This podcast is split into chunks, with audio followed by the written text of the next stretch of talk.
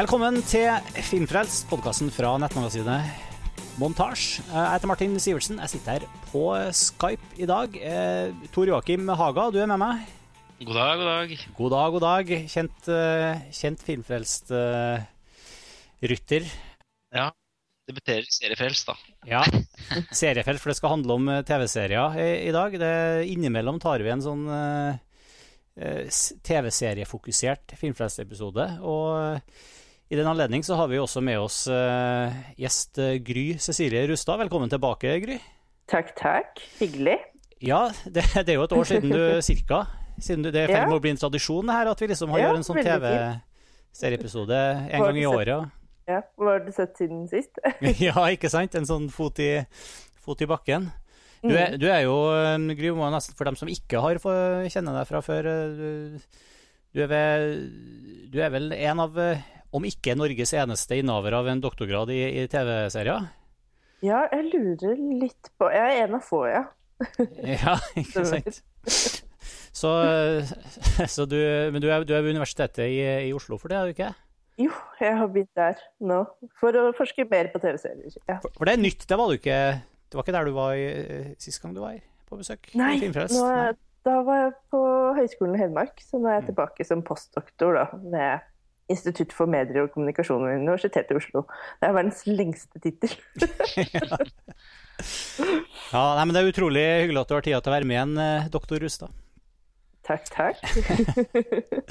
du, jeg tenkte bare skulle kaste, sånn, Nå skal vi snakke om TV-serier, og vi skal selvfølgelig altså Det er vårslipp på TV-serier, det kommer, det er premiere på en del masse nye ting, og vi skal selvfølgelig um, komme litt med, med, våre favoritter, hva vi ser på, fortelle litt om hva vi liker å, å, og, og gikk ut med og sånt. Men jeg, jeg, bare tenkte jeg skulle begynne med å Jeg ser litt på min egen situasjon som, som serietitter. Jeg tror altså, Det er jo ting er alltid i forandring i det her eh, mediet. og altså, Jeg bare ser på det måten jeg selv ser på TV-serier på nå. at For et par år siden så var liksom mye av det var styrt litt sånn av at, at jeg enten kjøpte Altså, det var noen bokser tilgjengelig. At, at noen hadde kjøpt en, DV, en eh, boks med DVD-er til meg med en TV-serie. eller noe sånt. Nå, selvfølgelig, nå er selvfølgelig alt på nett og streaming. Og, og jeg ser jo at Og jeg har jo ikke vanlig TV lenger, så selve ordet TV-serier er jo på vei ut. Men jeg merker jo at det, det, jeg ser, blir jo mer og mer Jeg går ned, har gått ned i en sånn modus hvor dik, mine serievalg dikteres i stadig større grad om etter hva som egentlig tilfeldigvis er på Netflix eller HBO Nordic for tida, eh, som dukker opp der. fordi at, Og det har nok, tror jeg, mye sammenheng med at det er så utrolig mye eh, bra som kommer. Det er masse av det som du, Gry, har kalt eh, kvalitets-TV. Jeg Jeg føler at det er så mye godt å velge mellom. Jeg sitter liksom og Jeg er alltid på etterskudd. Jeg har liksom alltid en liste på sånn ti serier som jeg vet at jeg godt kunne ha begynt å sette på. Eh, og eh, jeg sitter liksom bare og nesten passivt velger det, det, som Netflix eller HBO Nordic velger å presentere for meg. Og jeg ser også at etter at på en måte jeg slutta litt å prøve å dille så mye med å få sett amerika, altså via amerikansk IP og komme inn og liksom hack, i gåseøyne hacke meg inn på en eller annen Hulu-subscription eller amerikansk Netflix, for det ble liksom litt vanskeligere. Såpass vanskelig at jeg ikke gidder å hoppe gjennom de loopene lenger. Jeg driver ikke med sånn fildeling eh, og sånt lenger. og og, og jeg, liksom, jeg sitter der liksom og bare konsumerer, og så ser jeg liksom plutselig så Så jubler jeg f.eks. Oi, nå kom sesong to av Rectify, hurra! Og så Men selvfølgelig, det er jo allerede et par sesonger på etterskudd, eller noe sånt. Der har man jo kommet liksom til sesong tre eller midt i fire, jeg vet ikke, men liksom det, det, er da, det, er det Netflix har å servere meg, på en måte, og jeg er egentlig fornøyd med det. Også for, ikke minst fordi Netflix også har så utrolig mye Altså, alle de gamle seriene er jo også der, ikke sant? så plutselig så er det fristende å plukke opp f.eks. The Wire igjen, fordi det ligger der nå i full HD og i widescreen, som jeg bare har sett før i 4.3. og liksom det, det er en sånn overflod av, av eh, TV-serier. Um, og det, det, er noe i hvert fall sånn, tenkte jeg skulle kaste ja, som en sånn utgangspunkt her. Og det, ja, og det, nå skal jo liksom litt poenget her at jeg har jo fått med meg, Gry, at i Telefiliakademia så snakkes det litt om det herre peak TV, og jeg mistenker at det jeg beskriver, er litt sånn uh, symptomene her svarer litt til den prognosen. Men, Ja. men, men hva er det egentlig vi snakker om? Hva er det herre peak TV som vi snakker om? Altså, dette her er faktisk ikke et akademisk uttrykk, men det Nei. var et uttrykk som Charles Landgraf, som er president for FX-kanalen i USA, brukte under Jeg tror det var en slags sånn slipp for TV-kritikere i USA. eh, hvor han viste en sånn graf med utviklingen av hvor mange eh, originale manusbaserte se eh, serier uh, og, som er hvert år, blir produsert hvert år i USA. Uh, og i fjor så var det første gangen man rundet over 400 originale manusbaserte serier. Så det sier seg jo selv at man får ikke med seg alt. Er det, at, er det for mye bra, eller er det, er det en god ting, eller er det en dårlig ting? Altså, det som er, er at du får noe for enhver smak. Man har sjangerserier, man har de smale, innovative seriene som du nevnte, sånn Rectify dukker opp. Uh, Lucy Kay kan lage Horse and Pete og slippe det rett på nett, uh, hvor man bare kjøper episodene selv. Uh, uten noe hjelp av noe studio. Man har eh, Broad City. Eh, man lager fremdeles leftovers. På den andre siden så har man de der store blockbusterne som The Walking Dead og Game of Thrones, som snart kommer tilbake igjen. Eh, man har såpeseriene på nettverks-TV som Empire og Scandal. Eh, man har krimseriene. Man har rett og slett alt mulig rart. Altså, det er noe for enhver smak. Sånn at man, så det som skjer, er jo at folk ikke lenger ser det samme. Og det var jo kanskje, Det her er kanskje den største forskjellen på TV nå og den såkalte andre gullalderen, eller tredje gullalderen, som man snakket om eh, med de HBO-seriene vi kjøpte på DVD-bokser. Eh, hvor alle så The Sopranos, eller i hvert fall sånn, veldig mange av venner og sånn. Kanskje ikke mamma, mamma og pappa og sånn. Eh, men Ja, litt sånn for at det var liksom på topp ti på platekompaniet, at det var litt sånn styrende da. Ikke sant? Man Ja. hadde mer sånn appointment viewing. altså Når Mad Men gikk, så drev alle og diskuterte. Eh, eller det føltes sånn i hvert fall, det var jo egentlig ikke det. Men, og da folk diskuterte episoden av Mad Men på nett.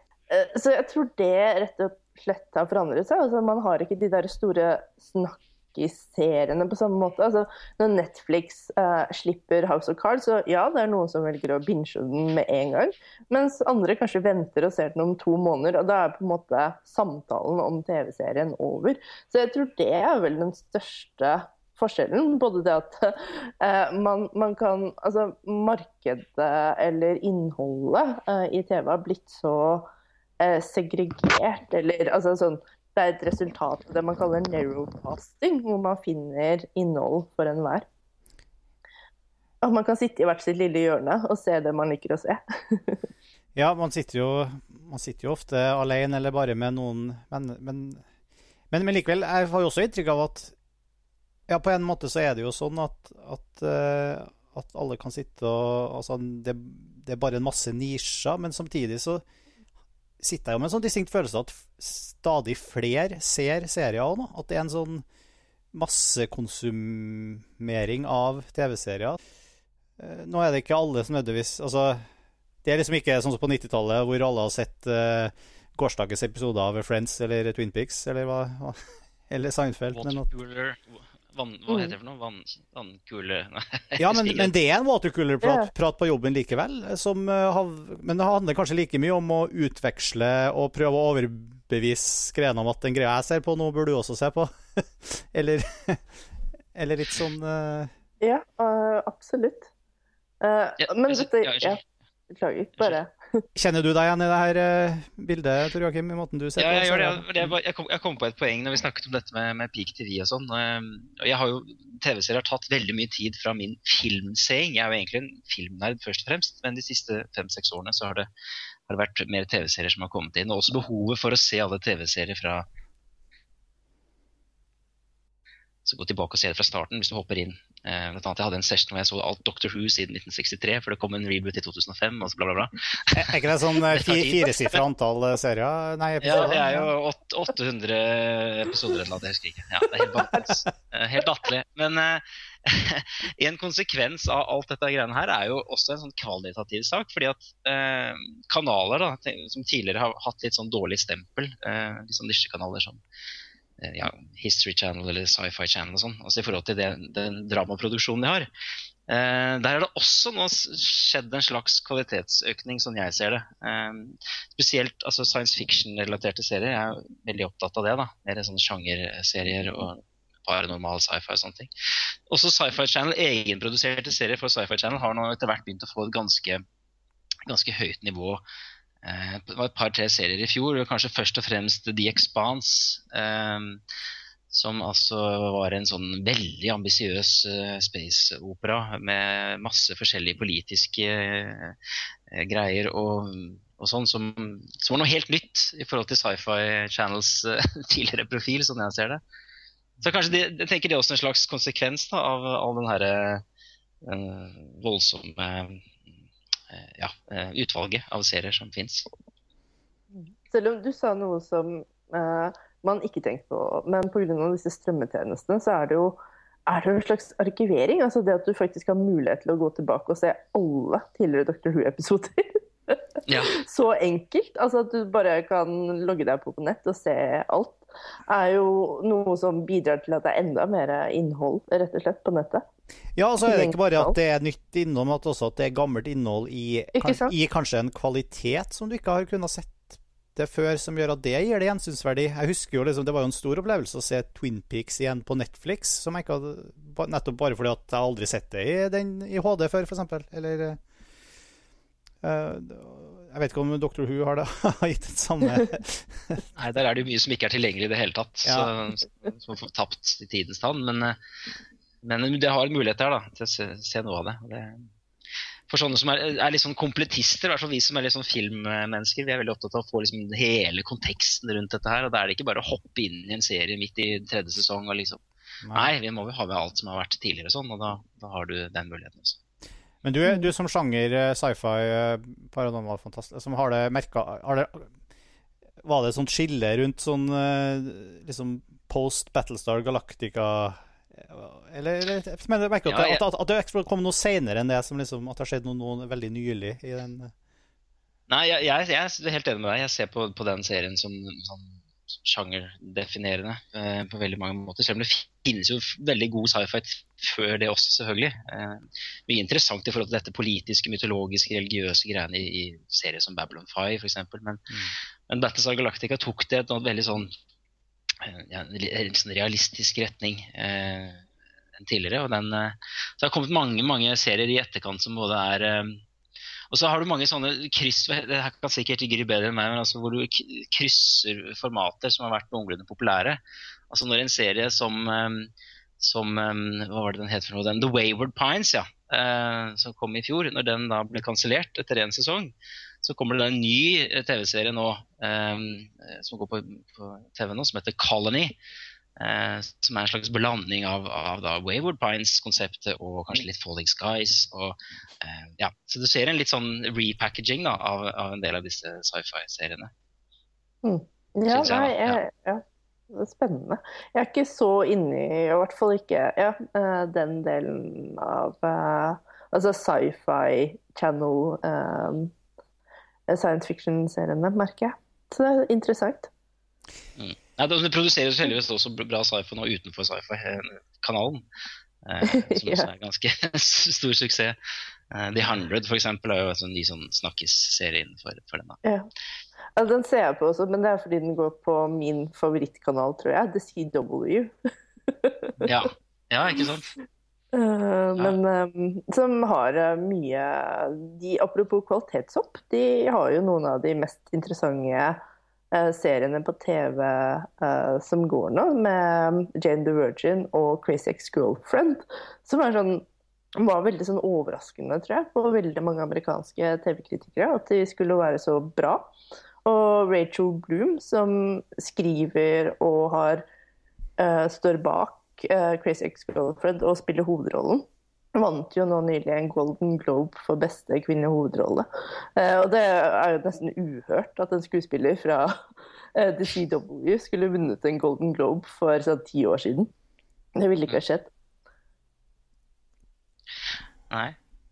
Det er vel også eksempel på sånn type ABC, da. Eh, Disney eide ABC. At også de prøver nå å ja, om, eh, At de begynner å bli subversive, det skal jeg ikke, jeg skal ikke gå så langt som å si. Men jeg har jo sett liksom et eksempel på at også de begynner å, å prøve seg på noe litt mer enn bare den her veldig streite Once upon a time-estetikken.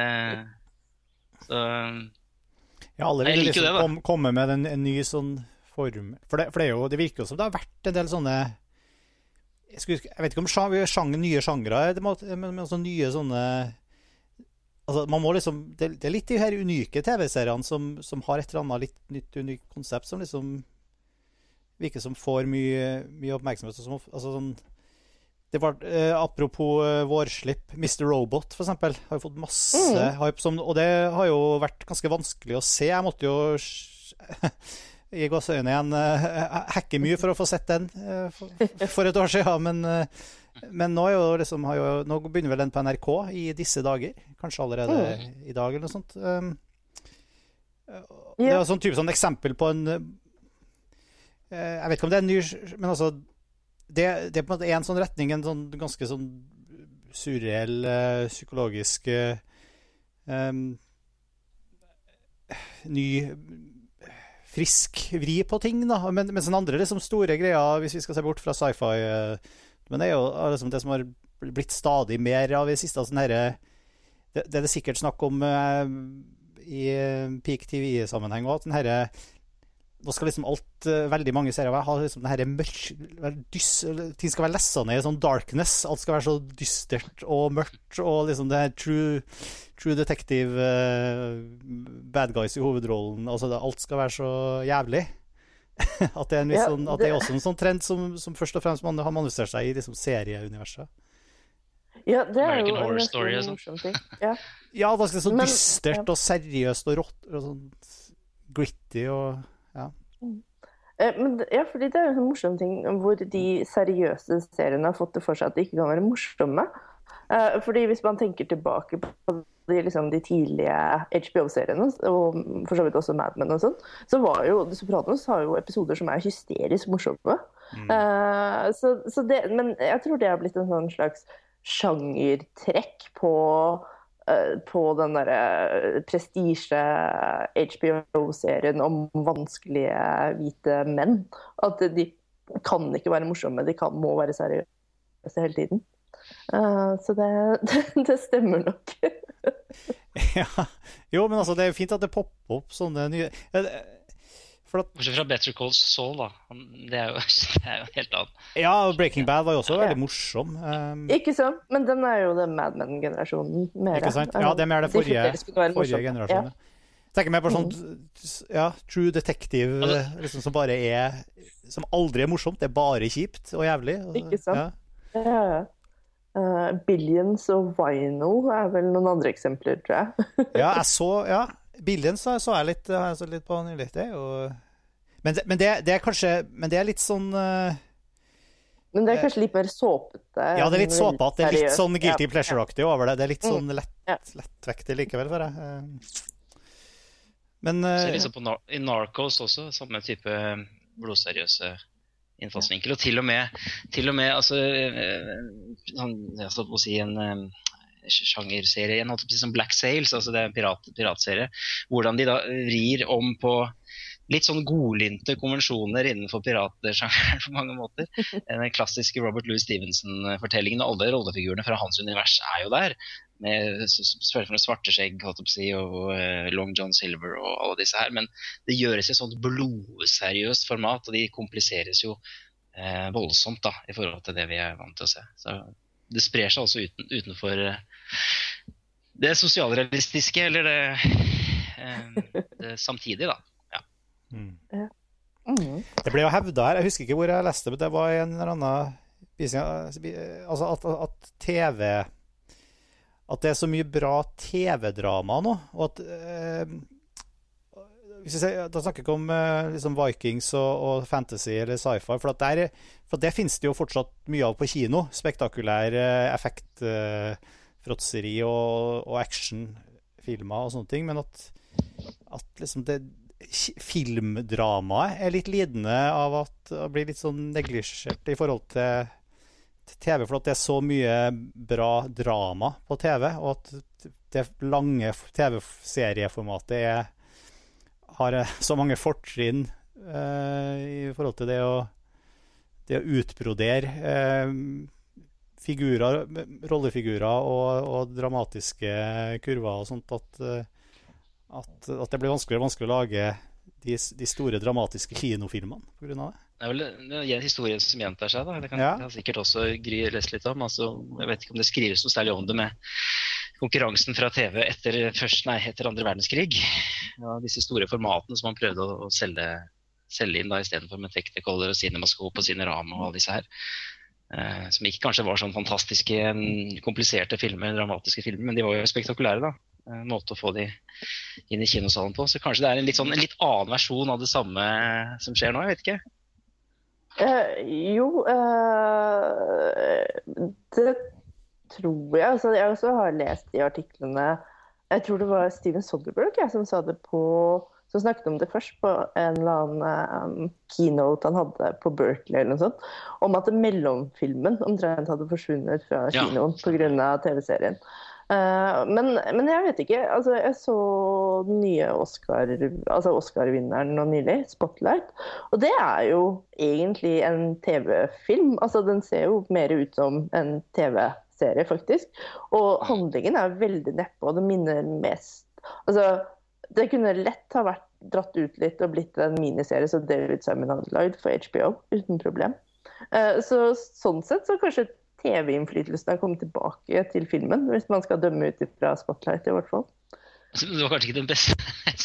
Jeg syns Spotlight er litt flat, da, altså sånn visuelt sett. Så jeg, jeg har liksom forventninger ja, om TV-mediet er bedre, bedre rustet i dag til å ja, til å brife litt da, enn det Spotlight gjorde som film. Men jeg skjønner akkurat hva du mener eh, i forhold til hele intrigen og hele ja, Det var veldig mye TV-preg over den filmen.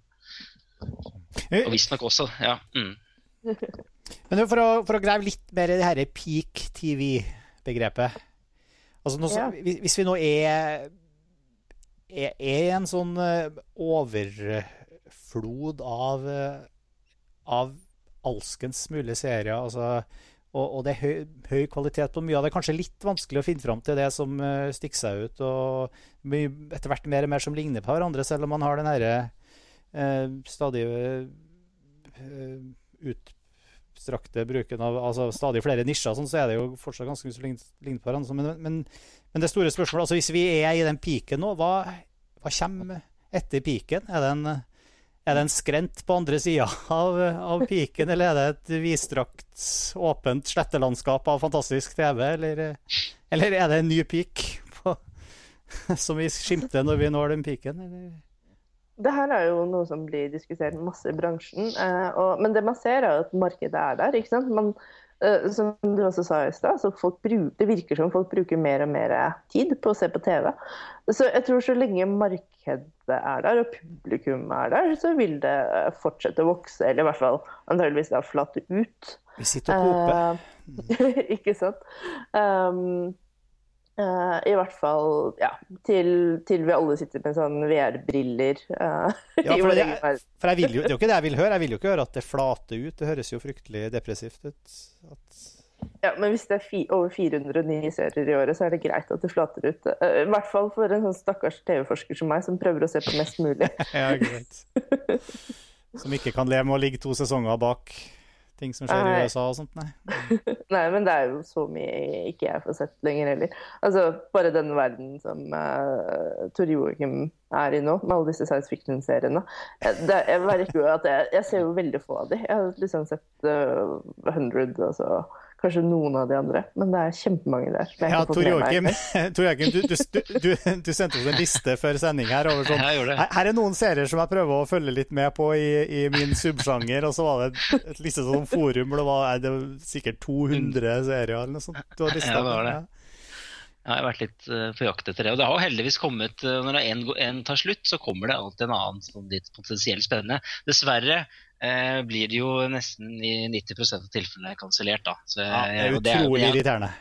Ja, men jeg er psykisk forberedt på at alt sånn sjang, smale sci-fi-greier og sånn blir nesten alltid kansellert. Så når den ikke blir kansellert, sånn som Battlestar Galactica eller, eller Falling Skies, altså hvor de kanskje rekker å rushe en slags uh, slutt, i hvert fall, så, så, er det jo vanvittig stort. det er litt sånn litt snodig, det der. Men, uh, ja. Da Vinci's Demons for eksempel, var jo også en sånn type serie hvor de fikk vite eller tror jeg siste liten at de fikk kunne avslutte. Eh, og så ble jo hele intrigen litt knugd sammen på slutten, men eh, den fikk i hvert fall en slutt, da. Eh, som var ganske fin. Så. Men, ja. Det som er fint, da, er jo at mange av disse seriene ville antageligvis ikke blitt produsert engang for 20 år siden. Eh, så det er jo noe, da. Ja. og det er jo rett og slett fordi uh, Baden prøver å finne disse nisjene, og selv om uh, det går en grense for hvor få seertall man kan ha, så ser man jo at en del av de seriene lever uh, mye lenger enn det de ville gjort for 20 år siden. Ja, for, at, for at, det, det, er jo så, det, er jo ikke sånn at det ikke er noen altså Det er jo fortsatt store suksesser. og altså vi jo, altså det, det, er jo fortsatt snakkiser og serier som, all, som på en måte alle ser. Absolutt. Og, altså det er jo kanskje ikke ulikt musikk, sånn sett. Det er jo fortsatt fortsatt artister og album og ting som, som, alle får med seg, enten de hører på det eller ikke, eller ser på det eller ikke. Som, og, og, ja, så du, du ja. har jo fortsatt uh, House of Cards og, og, de, og Game of Thrones og, sånne big sluggers. Uh, absolutt. Og Game of Thrones er jo mest beste eksempelet kanskje på akkurat det. En serie som det blir snakket ekstremt mye om, og som ekstremt mange ser.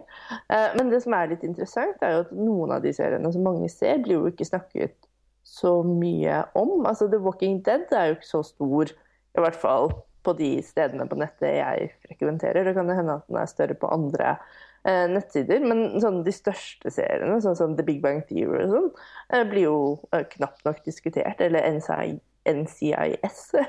Men er det kanskje for at det ikke er så mye å diskutere i dem? Det tror jeg helt sikkert at har en sammenheng, ja. ja.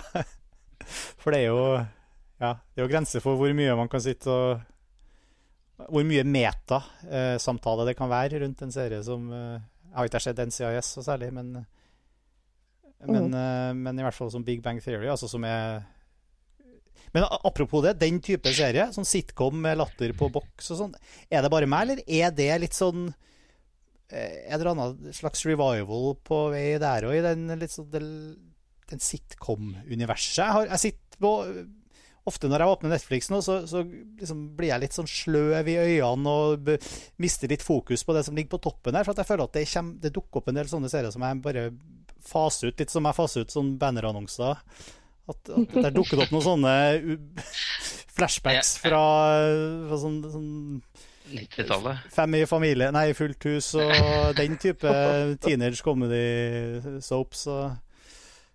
Jeg er helt enig med deg. Jeg, altså, jeg er blitt avhengig av sitcomer til eh, Det høres veldig stusslig ut, men når jeg spiser middag Eh, det er akkurat passe lengde og er akkurat passe eh, sløvt, så jeg kan se det. Men jeg vil jo ha kvalitetssitcom. Og mm. jeg har funnet at de siste årene har jeg stort sett sett om igjen gamle classics fra, fra 90-tallet. Men så har jeg plutselig endelig nå funnet en Modern Family da, som man har snakket om i høyre og venstre. Um, så Som også blir kjip etter x antall sesonger. Ja, den blir kjip, men det som er fordelen med sitcom, er jo at man på en måte det, altså det har mye med stedet å gjøre også. Du kommer tilbake til et velkjent sted, og du kjenner kriker og krokene og stolene og veggene og alt mulig eh, mm. fra gang til gang. Så det er jo en slags trygghet i det da, når du spiser mat. når du prøver å ha en daglig rutine på det. Men, eh, men den er ikke sånn fantastisk bra, altså. Men den er eh, ja, for, for det, sånn. det, husker, det, gjorde jeg mye som skole på ungdomsskolebarn.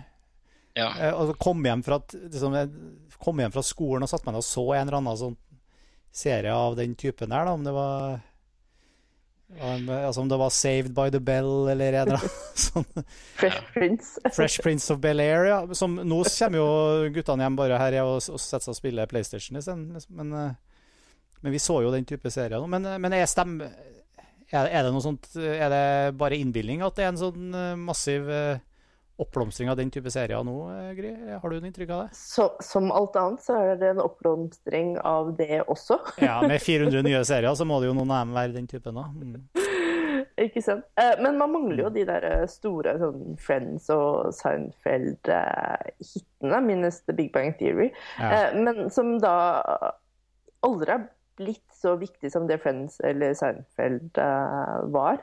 Uh, men, men, jeg merker jo også at det er en sånn, et liksom skille mellom disse sitcomene. Det er de, de mer sånn tradisjonelle familiesitcomsene.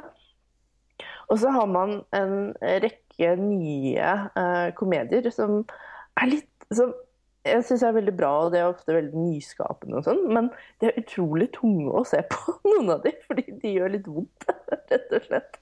Um, ja, for den er basert på sånn flauhetskomikk? Uh, Office-greiene, uh, office ja. Mm. ja. Klovn og mm. Ja, altså Comedy Curb. Enthusiasm, ja. Ikke sant. Uh, og um, Comedy Central er en som heter Nathan for you, som er ganger utrolig ubehagelig.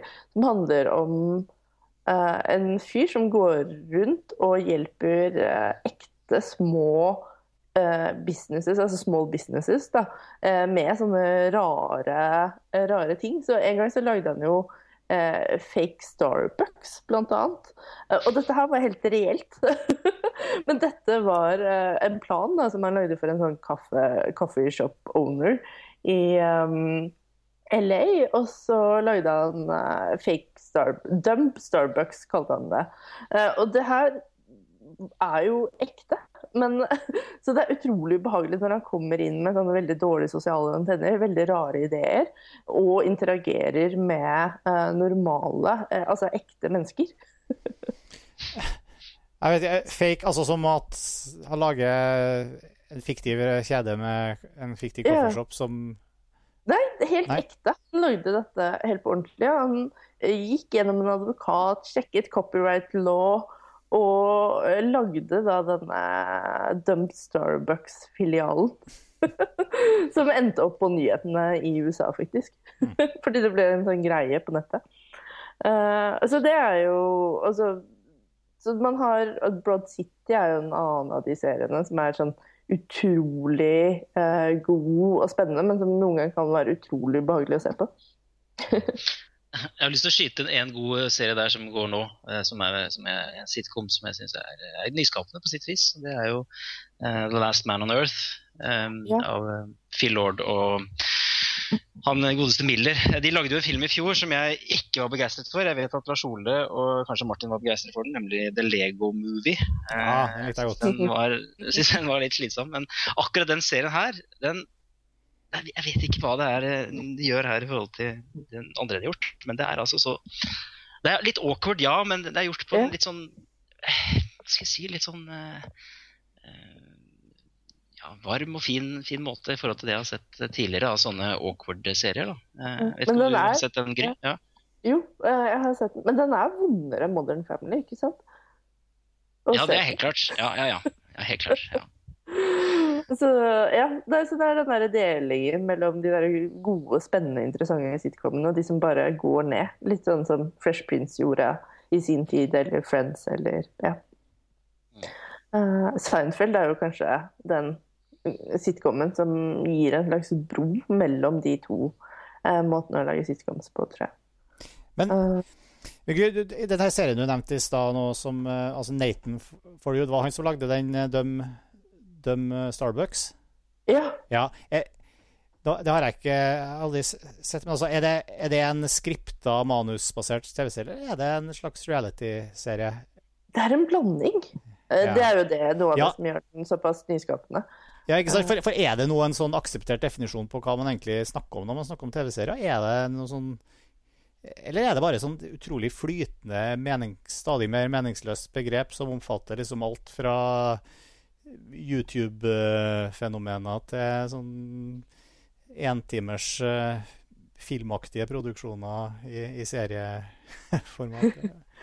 ja, og det, uh, og det, her er jo veldig interessant med norsk serie. Uh, Skam. Ja, som, som er veldig kort, ikke sant?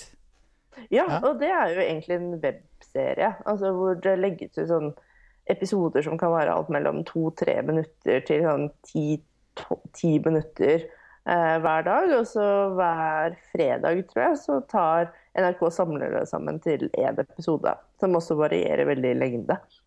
Eh, så, så det er jo noe helt nytt. Og så mellom hver episode eh, så fortelles da denne historien på sosiale medier og Instagram og sånn. At man kan følge karakterene. Eh, så det er en helt annen måte å tenke TV. altså Vi er jo veldig eh, vant til å tenke at enten så er det komedie, og så var den sånn ca. en halvtime. Eller så er det en dramaserie som varer ca. en time. Hmm. Eh, så sånn sett så ser man også at formatene sprenges litt her på den måten også. Bare rett og slett noe så enkelt som tid. Altså hvordan man tenker hvor lang tid en episode skal ta. Hmm. Så, men uansett, altså Skam er jo Hvis jeg skal anbefale én serie, så er det jo uh, vil jeg jo gjerne at uh, Tror jeg det skal med, jeg vil anbefale, tror jeg. Ja, for den går inn i sin andre sesong nå. Akkurat begynt. Uh, første episoden, da, altså på altså fulle episoden, ble sluppet på fredag. Men man kan følge disse små episodene nå hver dag på nettsidene til P3. Mm. Er den serien litt i samme gate som den andre snakkeserien norske disse kvinnene i fjor? Jeg fikk jo ikke sett den, da. Det, jeg har sett én episode av Skam. Det minna litt Det var ikke helt ulikt Unge lovende, hvis det var den du tenkte på? Unge lovende, Unge lovende, ja. Mm. Bortsett fra at det kanskje litt eldre, nei, litt yngre sånn uh, hovedrollegalleri. Ja, jeg vil vel si at Skam er mye råere, og også egentlig ganske mye morsommere. Uh, det er jo en av de seriene som uh, Det er vel rett og slett en blanding av uh, litt sånn såpe, litt sitcom og litt sosialrealisme. mm. Så det er en veldig veldig fin blanding, syns jeg. Og så er det jo veldig, veldig bra gjort. Men det også tenkte jeg på, fordi det er jo også noe med å se på serier i Norge versus å se på serier i USA, og det at man ofte, og det legger jeg jo merke til når jeg snakker med folk også, at de ofte ser um, serier det som ligger på Netflix eller ja, Som jeg sa innledningsvis, jeg bare tar det jeg får på Netflix. Som jeg... jeg blir like overrasket hver gang jeg snakker med folk som bare Ja, ja har du sett den Shannara Chronicles? Jeg bare uh, Nei. for, for meg så er jo det en sånn dum MTV-serie som ingen Som jeg liksom ikke har plukket opp på noen av de stedene jeg vanligvis går for for å altså, Som ingen snakker om i den amerikanske diskursen sånn i det hele tatt. Men fordi den da er på HBO Nordic, så er det faktisk noe som nordmenn sitter og ser. ja, for det var en av hvor, hvor, er det de liksom tenker at De må jo få en slags altså, innfallsvinkel til det de skal se. Jeg, jeg, jeg skjønner ikke helt Jo, men det er veldig enkelt, for det, det, de, det blir jo flagga stort med en gang du logger på. Så kommer det opp mm. som det største bildet du ser, og ny se det her. Altså, det er jo, jo TV-kanalens rolle før i tida. Liksom. Det her går klokka seks. Take it or leave it. Det er jo litt den funksjonen de mm. her eh, metakanalene Netflix og HBO og sånt har nå. Ja, Det her er jo ikke, noe, ikke så mye med TV-serier, og sånn, men jeg har jo masse studenter. Og jeg har funnet ut noen ganger når jeg spør dem om sånn favorittserier og favorittfilmer, og sånn, så er det så masse rare ting som dukker opp. Og det er nettopp fordi det er det som er tilgjengelig på Netflix eller Eh, eller um, altså norske strømmetjenester. Jeg hadde plutselig en sånn gruppe med studenter hvor det var mange som bare Ja, nei, favorittfilmen min er Big Fish. Ja. så det var sånn Ja, det er jo for så vidt grei film, men den har jeg ikke tenkt på på mange år. Kanskje det er derfor Shawshank Redemption ligger så høyt oppe på IMDb? For det er, ja. det er ja, det, det har ligget der i evigheter. ja. Ja, altså, alle har jo sett Friends, men det er ingen som har sett Seinfeld. Og det er jo fordi Friends er veldig lett tilgjengelig på Netflix, mens Eller folk er veldig eh, unge. Ja, det òg. mm. Men Seinfeld har jeg skjønt er litt vanskelig tilgjengelig. Eller den er kanskje på Viaplay nå? Det er Viaplay, tror jeg har hele ja. Ja. Der, men det er jo ikke alle som har langt fra alle som har Viaplay. Nei, men det er riktig. altså Mye av den prates, eh, det, det, det, styrer mye. altså Netflix har veldig mye makt uh, i form av hva de jeg bare tenker Når det er så mye forskjellig, og det er peak TV og alt mulig, så må, så må folk ha, må ha, preferanser. og Da må man gjøre litt research på hva man har lyst til å se. Ja, men, nett, ja, men veldig mange tenker at 'å, jeg orker ikke å bestemme meg for hva jeg skal se'. Ja, jeg også tror folk er ganske late. Men det er jo derfor vi sitter her nå. Ja. Er det tid for å fortelle folk hva de skal se? Jeg frem til ja. ja, skal vi, skal vi, skal vi hoppe, hoppe over i den modusen? Uh, bare gå igjennom. Vi har jo nevnt en del allerede, for så vidt. Det var, bare, jeg, jeg kom på det, det var et sånt eksempel på Du nevnte jo nettopp sånn hvorfor nå har liksom alle sett uh, Hva du sa nettopp alle hadde sett um, nylig. Altså, Big Fish. ja, Big Fish, ja. Det var en annen sånn uh, film som plutselig ble en sånn som nettopp, duk, liksom nettopp ble lagt ut på Netflix, og derfor så begynte plutselig folk å snakke om den filmen litt sånn uh, tilsynelatende umotivert. Ikke sant? Altså, Eh. alle Tim Burton-filmene i verden. Big Fish. Ja. Big, Big. Fish er jo en veldig bra film. Det er jo en av mine favoritt-Burtons. Ja, ja. Men uh, at den liksom Ja. plutselig er den på dagsordenen akkurat nå, ja. Mm. Eh, nei, så Ja. Nei, man skal vel ikke alltid stole på disse Netflix-algoritmene. Netflix anbefaler. Anbefalt for deg, til og med. Så, ja. Jeg, kjøpte aldri, jeg leide aldri noe som sto på 'jeg anbefaler hylla' i videobutikken eh, på 80-tallet. Jeg jeg ville finne det ut selv. Jeg gikk, da gikk jeg riktignok etter, etter coveret, da. Det er jo ikke så mye bedre, men eh, Jeg bare prøver å spinne en parallell til hvordan jeg selv tenkte en gang i tida med dette her eh, Netflix-greiene. Mm. Ja. Men jeg må innrømme at jeg syns at uh, Og nå har jeg jo um, bare tilgang, tilgang på norske Netflix. Jeg må innrømme at det er ganske mye kjedelig utvalg i serier der, altså. ja. Men det vet jo du, som, som har liksom the full picture. Men husk på at uh, det er de færreste som har verken ork eller råd til å abonnere på mer enn én en eller to sånne strømmetjenester. Og, Ja, og da blir man jo litt sånn prisgitt det som er der, da, hvis man ikke er veldig ivrig til å sitte og lese uh, og følge med på, ja, på hva man vil se, eller, eller ligge på popkorn-time eller noe sånt isteden. Liksom. Ikke sant. Så, men jo så, så den, Men poenget var vel egentlig at den eh, makten eh, som Netflix har, er både liksom på godt og vondt. Både det at det er, det er mye bra tilgjengelig, og de fungerer som en sånn arkiveringstjeneste omtrent for gamle serier. Men også det at det er en del av Ja. Kanskje ikke er de aller beste. Altså, eh, det at er eh, Men ja. Mm, eh, mitt, min anbefaling er vel kanskje å ha et par måneder med Netflix og så et par måneder med HBO. Og så se seg opp på det som er best på de forskjellige, og så bytte litt Ja, du, nå, nå kom jeg på den andre. man har abonnement. Det er jo litt jobb, selvsagt. Dassbåt var en sånn annen ting som plutselig dukka opp på, på Netflix. Så plutselig begynte foreldrene mine å snakke om dassbåt. Og så plutselig var det sånn Ja. Eh, ja. Ja, det er jo ja. har sånn film, bokstavelig. Sånn pun intended, opp fra dypet. Mm. Ja. Ja, ja. eh, men eh, skal, vi, skal vi ta oss en liten sånn runde? og Hva, hva er det vi ser akkurat nå? Hva er det vi, av de nye tingene som, som kommer i nye sesonger og nye premierer nå, hva er det vi gleder oss mest til? Hva er det liksom, skal vi trekke fram en eller to serier hver som vi virkelig har lyst til å enten gi en varm anbefaling eller si noe stygt om? Bare én eller to? Ja, eller ja, Du får ikke ta hele lista di, Tor Joakim. Men eh, Nei. Flesteparten av de er jo ferdige, da. du kan begynne, da, Tor Joakim. Hva har du, hva har du sett i det siste? Skulle du si siden sist, men eh, Nei, ja, siden sist. Jeg har jo første gang jeg er med her. Men eh, nei, ja, det er en Akkurat som går akkurat nå, så er det en kanskje ti, ti serier som jeg følger med på. da. Som er noen er og spesielt noen av de er helt ferske. Ja, den, en, en som er på første sesong, det er den Colony som jeg snakket om i stad. Kan jeg godt anbefale. En sci-fi-serie om ro- romvesener som har landet og satt opp svære vegger, eh, murer, rundt eh, forskjellige enklaver i USA. Vi følger da noen mennesker inn i Los Angeles. Og, men de, både de da mm, som har konspirert med disse romvesenene som vi aldri får se, og da de, de opprørerne. Det er på en måte essensen av det.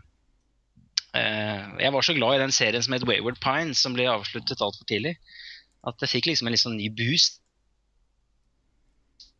da, med, med denne serien Colony, syns jeg. Med Josh Holloway, som mange husker fra, fra Lost, da, i hovedrollen. Så den kan jeg anbefale. Uh, hva mange, skulle vi si? Nei, bare går, det går jo så, går så fort at du må bare ta det bare ja. Ja, nei, og så, og så følger jeg med på Supernatural. Da. Den er oppe nå i 11. sesong. Det gikk fort. Jeg, Jeg syns liksom nettopp jeg husker at den begynte å gå, men eh, det er såpass mange år siden. Nei, jeg er en av de, men nei, det er vanvittig vanvittig langtekkelig. Det er vel en kanadisk eh, Er ikke det Nei, jeg tenker på Paranormal, jeg, sikkert. Eller hva det heter for noe. Den, eh, Paranormal? nei. nei, jeg blander helt ennå. Okay. Fortell, Ja, fortell mer om den serien. eh. Supernatural er jo, en, er jo nå en ikonisk eh, serie, Den referert om to brødre som jakter på forskjellige ting og tang. Og paranormale demoner og engler og Ja, ja, ikke sant? Ja. Men når begynte den å gå? Det, må, det var midt, på midten av Ja, det er midten av 2000. Det begynner å bli ti år siden, det òg. Så Ja, det er jo et elleve år siden. Så nettopp. sånn ja, ja. Nei, så den, eh, den eh, har jeg fulgt med på i alle, alle år. Og sånn, og så er det jo da Better Du ramler ut litt Call innimellom her. nevnte jeg. Black Sails. Ja, unnskyld. Better Call Saul, Black Sails, eh, Gotham. eh, Ja, Gotham. Det er Batmans Ja. eh, relatert av spin- spin-offen. Hvordan er de to ord om det, er litt nysgjerrig på. Altså, den er jo eh, Den er litt for trygg og god. Jeg hadde, hadde jeg mer sansen for den, eh, den godeste Daredevil som kom eh, Den i fjor. snakka vi om faktisk Eh, i men- siste seriefrelst. Mm. Ja, det er vel nå. Venter på sesong to av. Nei, altså Gotham er jo, det er jo interessant fordi man får se til starten på alle disse superheltene vi, eller heltene vi, vi kjenner fra filmene sånn, men eh, ja, ja, den, er, den er litt for trygg, altså. Den, er, den tør liksom ikke helt å være brutal nok i forhold til sånn jeg ser på Gotham, i hvert fall, i det, sin opprinnelige versjon. Men uh, når du først har sett en serie to og sesonger, så er det vanskelig å slutte, da uansett. Så jeg, jeg skal gi den litt flere sjanser. Uh, nei, ellers så har du jo ja, uh, Walking Dead, Vikings, The Hundred. Det er en del av disse seriene vi allerede har, har vært innom, egentlig. Som, som går Mm. det, det som er litt rart, er at vi nå ikke lenger har noen sånne serier som er veldig visuelle. altså Sånn som Hannibal og Altså Hannibal er jo slutt, da. Det, og eh, ja, Du har jo American Horror Story. Der er, den har også gått nå fem sesonger. Men hvor det er sånn voldsom stilistisk eksess. Eh, det er ikke så mange av de seriene egentlig som jeg kan komme på, som har livets rett. Eh, ja. Nei, det var noen eh, random. Og så er det jo hele den her mystisisme så Le Revenant og eh, Hvem flere har du i den samme gata? Um, The Departed, holdt jeg på å si. Um, The Part. Eh, si det igjen, Tor Øyken. Du, du, det er sånne uheldige ting som skjer med Du, du ramler ut hvert eh, tiende sekund. Altså, ja. Ofte. Ja, nei, altså det er en sånn mystisisme-serier som er en del av som finnes. Leftovers og Le Revenant og, Mm. og The Red. De tre jeg kom på i full fart. eh, Som også er ja. Nå har jeg bare ramsa opp noen her, så nå, nå kan heller noen andre overta. Ja, det var masse gode Jeg satt og noterte som en gal her, nå. Ja, det var jo ikke småtteri. Um, hva ser du på for Jo, Agri? En siste, en siste, en siste bare, jeg skyter inn. Det er, eh, nå har det også kommet en eh, amerikansk versjon av Ekta mennesker. En fantastisk eh, sjeldne skandinaviske science fiction-serier om kunstig intelligens, som var veldig bra. Kom for et par år siden. Eh, Nå lagde det i hvert fall en sesong amerikansk versjon som heter Real Humans. Har du sett det? så, altså, Jeg har ikke fått sett Real Humans, men jeg har sett Ekta mennesker. Ja, den det ja, og den var veldig- veldig bra. I hvert fall eh, Jeg så bare første sesongen fullt ut. Men eh, Mm. Ja, det ble lagd to, to sesonger, og så ble det slutt. Fordi eh, ja, amerikanerne skulle lage sin versjon. Forresten, har du sett Orphan Black? Det tror jeg Yes. ikke det var. Orphan Black er kanskje en liten sånn søsterserie til Mr. Robot, føler jeg litt. Dere Er enig i det? Ja, for at du har, eh, Ja. du har Det er hun, hun som spiller alle hovedrollene. Ja, og så er det selvfølgelig også i forhold til ekte mennesker og Ja, troner nettopp. og sånne ting. Ja. Mm. Mm. Jeg kan skyte bare Mr. Robot er jo en varm anbefaling, eh, må jeg si. Eh, Har dere fått sett den? Ja, Veldig, veldig, veldig bra. Apropos flotte visuelle serier, det er vel en av de de som jeg virkelig har lagt merke til eh, billedkomposisjon eh, av sånne nyere serier de siste årene. Eh, Det er noen utsnitt og sånt som er helt fantastiske på Mr. Robot. Ja. Litt sånn forstyrra, eh, også i utsnittene. Ikke sant? Ja. Ja. Mm. Ja, altså det er flotteste, interessant. flotteste, flotteste TV-serien de siste 15 årene er jo Utopia, hvis dere har sett den. Eh, Nei. Helt fantastisk. Det lå i dag to sesonger siden. De skulle lage en amerikansk versjon, eh, visstnok da med eh, Var det Fincher igjen da, som, som, skulle være involvert i den? Hvis jeg ikke husker helt feil. Eh, hvert eneste bilde er så til å henge på veggen. Voldsom geometri og fargebruk. Og, og samtidig denne brutaliteten som selvfølgelig som ligger under der. Så, så den bare kom jeg på nå når vi snakket om visuelt vakre serier, som selvfølgelig også er veldig viktig Mm. å ta med. Spennende. Beklager, jeg avbrøt. Uh, ja Eh, Enn du, hva annet hva, hva er det som opptar tida di ellers? Eh, Du, du rekker jo ikke å se alt du heller nå, eh, for den Nei. gangs skyld, men eh, Ikke sant?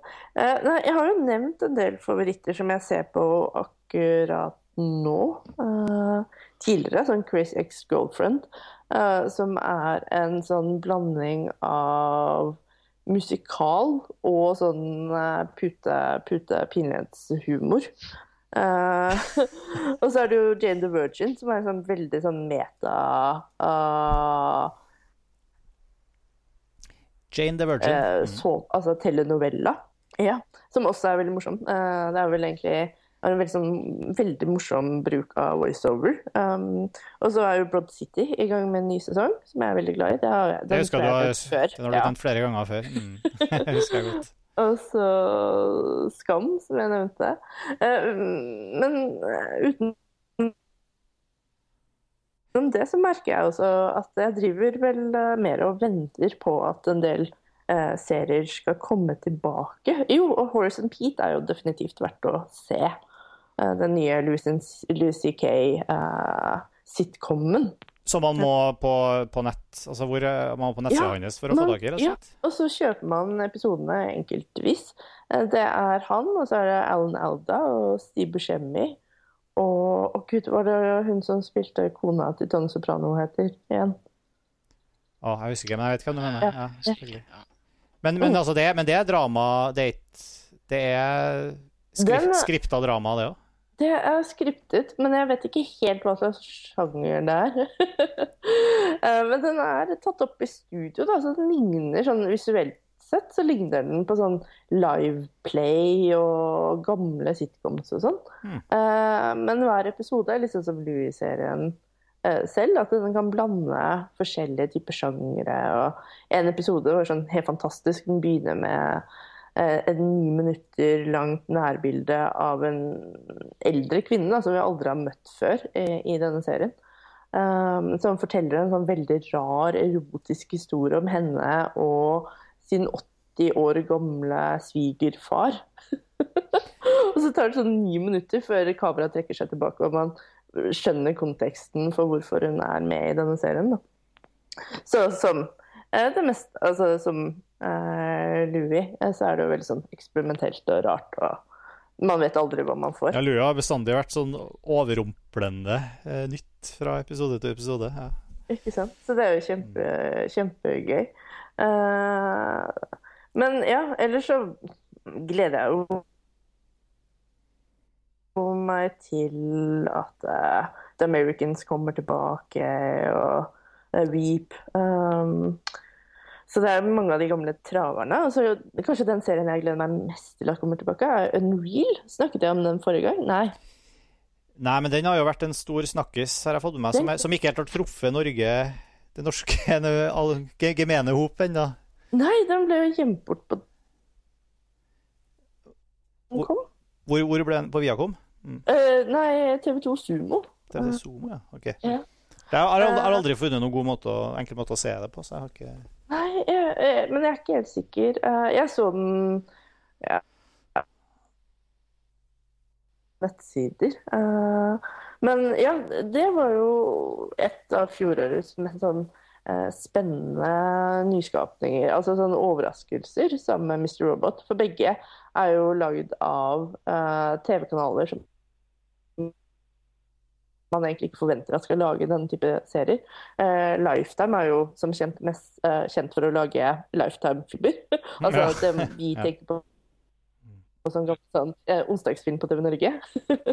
Eh, og så har de en del reality og sånn. Eh, og så kom plutselig en reel da, som er lagd av eh, en dame som tidligere jobbet eh, med å produsere The Bachelor, eh, og Martin Doxon, som tidligere har jobbet med bl.a. Buffy. Eh, som da handler om eh, produseringen av et sånn bachelor-lignende program. Så det er liksom bak scenen da, for det reality-programmet. Kjempemorsomt og eh, veldig, veldig kult. Eh, definitivt verdt å se. Så det er kult at disse, disse kanalene som er kjent for å lage litt sånn tulle-TV, endelig begynner å lage litt sånn, som jeg sa i stad, plutselig litt kvalitetsting. Det er noe nytt. Eh, men ja, ja.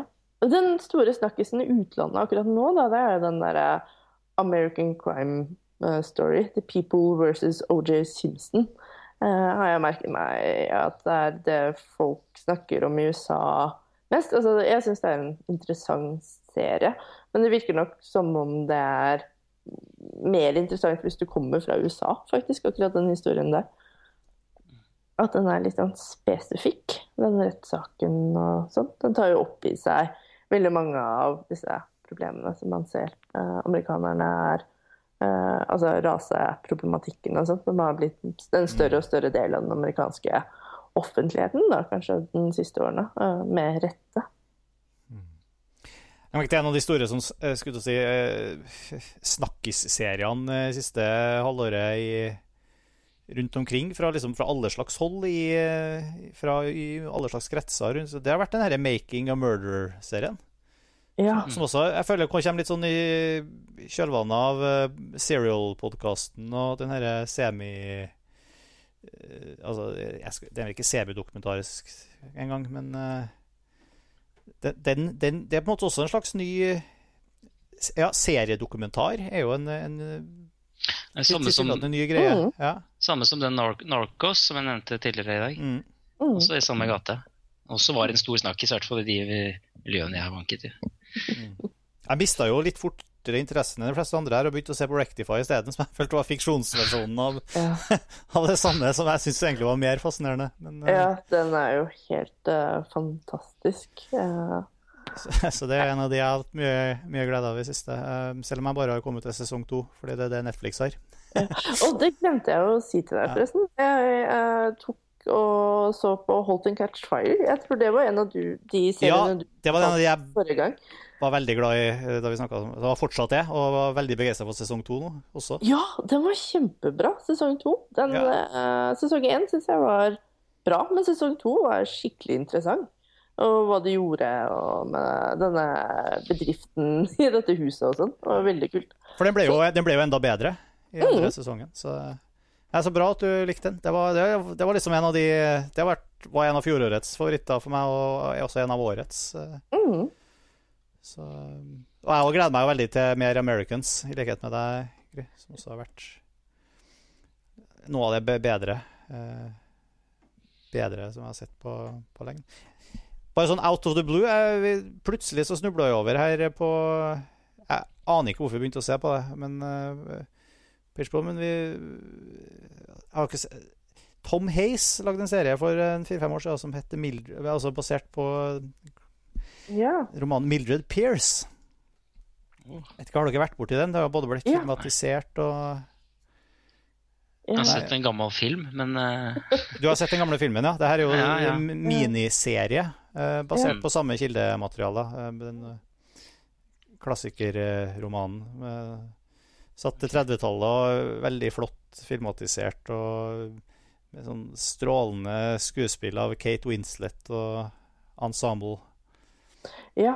det er sånn en- en- engangs miniseriesak, ikke sant? Ja, ikke sant? Det er fem, fem episoder på Mm. Ja, skikkelig, skikkelig god kvalitetsserie. Så kan, eh, kan anbefale i den litt mer sånn eh, sobre dramasjangeren.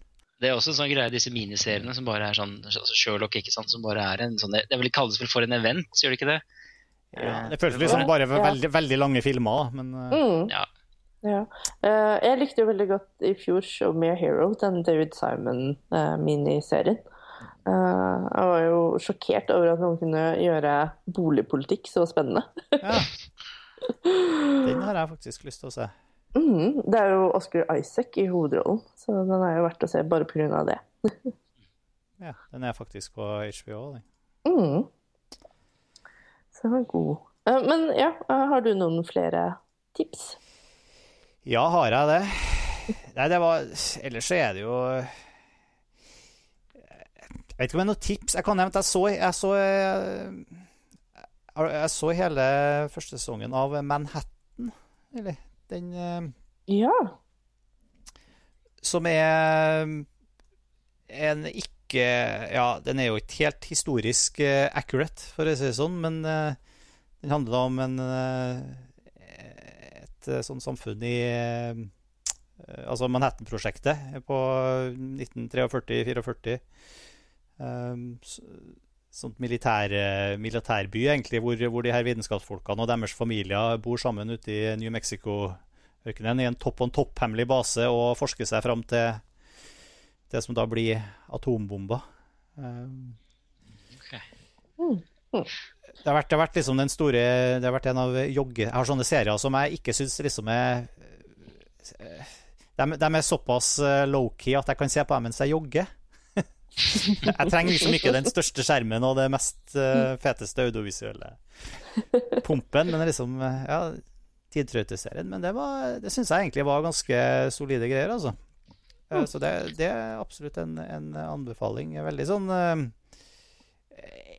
egentlig ikke noe mer spektakulært enn at du har intriger og forviklinger på en militærbase, med, men, men selvfølgelig da krydra med en god del sånn eh, eh, vitenskaps... eh, skal vi si, og krigs... eh, eh, ja, hva skal kalle det krigs... eh, refleksjoner og vitenskapsfilosofiske refleksjoner og sånt rundt, rundt Har du sett eh, The Man in the High Castle? Apropos, apropos det. Uh, nei, men uh, Nei, det har jeg ikke. Ikke Men heller. det er jo han Det er Ridley Scott som har eh, som, produserte jo en pilot for Amazon i fjor, tror jeg det var. Så gikk den og bare venta de lenge på om den skulle bli plukket opp og lagd noe ut av, og det ble den til slutt. Så da er det en hel full sesong av den omsider. Ja, men basert på Eh, altså, Philip Dick-boka, ikke sant? Ja, ja, ja. Det er sånn kontrahistorisk, eller hva det heter for noe. Eh, altså de, hva ville skjedd om, om nazistene hadde vunnet krigen, og så følger vi hva som skjer i- innenfor USAs grenser spesielt. Mm. Den er faktisk ganske, er også, Apropos dette med, med 40-tallet, krig, eh, militære ting. Den, den er ganske interessant, altså. Den er, den, men det er ikke noen sånn joggeserie. Nei. Du må, du, må tenke, du må tenke litt her. Det er litt eh, intriger og ja. Ja, det pleier å være ganske mye Ja, det pleier å være litt sånn høykonsept, de her Dick-historiene. Jeg har ikke Ja. lest den boka, men det er jo en av hans mest uh, ja da. Og det, har- Dick er jo litt i tiden, holdt jeg på å si. Mm. Både med den og med TV-serieversjonen av Minority Report, som også veldig gått i en sesong, og de lager, skal vel lage en sesong to av den. Eh, Mm. Som også er veldig interessant. Hvis man er fan av Spielberg og originalfilmen, så er det mye fotografiske og narrative hendelser til den, ikke bare til Dicks uh, univers. Mm. Så ja. Ja, jeg, jeg kom på min sånn favoritt sånn koseserie. uh, akkurat nå er vel en som heter I Zombie, som er lagd av Rob Thomas, som også lagde Veronica Mars. Eh, Så det er egentlig Konseptet er vel egentlig Veronica Mars som zombie-detektiv. Eh, Men den, den fungerer strålende som en underholdningsserie. Det er sånn Altså det er iZombie, altså i som i, Ja. i, som i iPhone, ikke som i Ja. jeg zombie. Mm. Uh, Ja. Nei. Mm. Uh, og den, ja, det er, den er kjempepositiv, morsom og passe spennende og ikke sånn kjempekompleks. Eh, så hvis, man, hvis du trenger en annen joggeserie, så kan jeg anbefale den. Det er jo en sånn app det som er sånn eh, run for, hvor du skal løpe fra zombier som liksom du om å springe Ja, det prøvde jeg. Det var kjempestressende. Hadde du prøvd den? Men du har prøvd den, ja? Hvordan, hvordan Ja. funka det? Det var kjempestressende. Jeg måtte ta av den, at, eh, den funksjonen hvor det plutselig kom sånne zombieangrep. Eh, da gikk det greit. Altså, For da må du springe ekstra fort, for de Ja. deg i nakken og sånn. Ja. det var kjempestressende. Det er jo det er jo kommet flere sånne Etter Walking Deads popularitet så har det kommet flere morsomme sånne zombieserier. da. Ikke bare iZombie, men også den britiske In the Flesh, som er veldig bra. Hvor de er altså zombier, men de er, de er på en måte fremdeles de er reflekterte mennesker. Så har du på den helt andre siden igjen uh, Sea Nation, som er helt fjasete, men som er også veldig morsom å ja, legge hjernen ved døra-type serie. Så det er morsomt å se hva som har skjedd i kjølvannet av, av en sjanger som har vært litt sånn uh, uglesett i mange år, men etter Walking Dead nå kanskje er ja, stueren, da. Mm. Ja, Vil vi egentlig ha zombieseriene stueren? ja, er, altså, Sea Nation prøver jo ikke å gjøre det. da, Den prøver å gå tilbake til litt sånne Ikke til kanskje eh, altså, Hva heter den første? Eh, Night of the Living Dead. Eh, den er jo ganske seriøs. Men til de litt sånn fjasete mellomårene der. Så ja. Mm. Ja. Det er, uh, det er ingen som sitter benka og har liksom plukka opp og binge-watcha hele House of Cards sesong fire ennå? Nei, jeg hoppet av etter sesong Eller midt i sesong to, jeg tror jeg. Så ja. fant jeg at dette gidder jeg ikke mer. Men ja. Serien som Ja, nei, det er jo Jo, jeg har sett alle. Det var nok, var nok flere som hoppa av den, tror jeg. Etter, som syns liksom sesong én eller to var, to var nok, ja. Mm. Ja, nei, jeg skal se hele. Akkurat sånn som, sånn, sånn som Homeland, som er helt bare må ha Eh, jeg får aldri nok, altså Du kan aldri få nok av et univers. da. Uansett hvordan intrigen går og man bruker opp elementer, så er det universet man vil ha mer av. Men Homeland er mye mer spennende. Ja, ja, det er, sånn, det er jo, selvfølgelig. Ja. Adrenalinkicken er ganske mye høyere der, føler jeg. Ja, ja. Det er jo en helt annen greie. Mm. Ja, ja. Nei, men bra. Høres ut som vi har fått lira av oss de, de, de, de varmeste anbefalingene, i hvert fall. Absolutt. Ja, jeg føler jeg hadde ikke lyst til å si mer, for det er bare sjanger-sjanger-greier. Du, den herre serien eh, jeg, jeg har Expanse hvor, Er den, den, den sebar på noe fornuftig måte? Eh, tror jeg ikke. Ja, altså The Expanse det er jo Sci-Fi Channel sin, sin TV-serie. Ja, for jeg, jeg, var inne og fikk sett en episode via appen deres, men så rakna det litt. Eh. Ja. Nei, Du må da kanskje bruke noen litt sånne grep der. Ja, må ta noen grep. Mm. ja. Men uh, ja, den er virkelig, virkelig bra. Ja, Så den før Colony, da, hvis jeg skal velge en av de? Ja, ja, ja. jeg syns det. Mm. Ok. Definitivt. For den har liksom notert meg som en jeg må, jeg må få prøvd å se, men uh, det har vært så ja. Så vanskelig. Ja, OK. Mm. Nei, men var, Da bare venter på at vi kommer over piken til neste episode av Seriefrelst. Da Og da får vi vite, vite hvor vi står da. Mm. Ta en liten oppsummering. Uh, sånn hva vi syns om The Expanse og sånn, f.eks. ja, om, når vi har klart, klart å få se den.